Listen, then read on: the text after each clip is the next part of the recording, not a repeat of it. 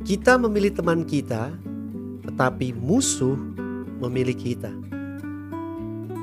Artinya, teman-teman yang ada di sekitar kita itu karena pilihan kita, dan teman-teman ini akan menjadi komunitas kita. Komunitas adalah lahan atau tempat di mana kita saling bertukar nilai kehidupan, sadar atau tidak sadar. Komunitas juga adalah pengaruh yang kuat di dalam kehidupan kita dan berpotensi mengubah perilaku kita. Man creates a community and then a community creates man. Kita membuat sebuah komunitas, dan nantinya komunitas itu yang membentuk kita.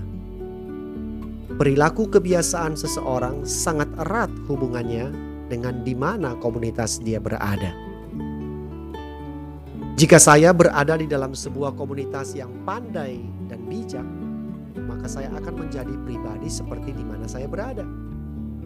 Bahkan, kebiasaan saya yang buruk bisa perlahan dipengaruhi oleh komunitas yang baik, sehingga kebiasaan buruk saya berubah menjadi baik, atau sebaliknya.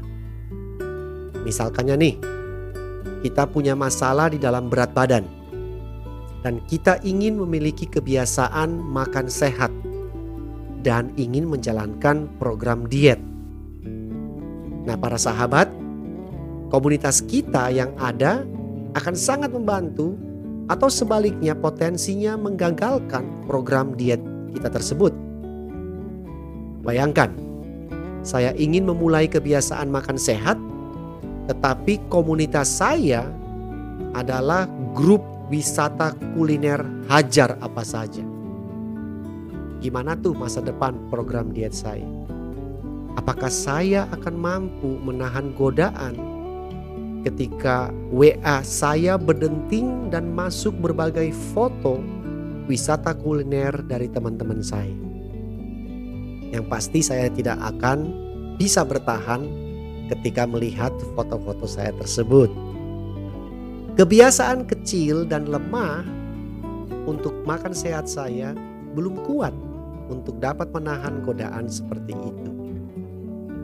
Sehingga mungkin kita perlu cari komunitas yang mendukung kebiasaan diet kita yang masih lemah itu untuk diperkuat terlebih dahulu. Memang, membangun sebuah kebiasaan yang baik harus dimulai dari kemauan terlebih dahulu. Tetapi jangan lupa, komunitas memiliki pengaruh besar untuk menjaga atau sebaliknya mengempeskan kemauan kita itu. Komunitas adalah sebuah pengaruh yang memperkuat kebiasaan yang lemah dan memperlemah kebiasaan yang kuat. Sampai jumpa di episode berikutnya.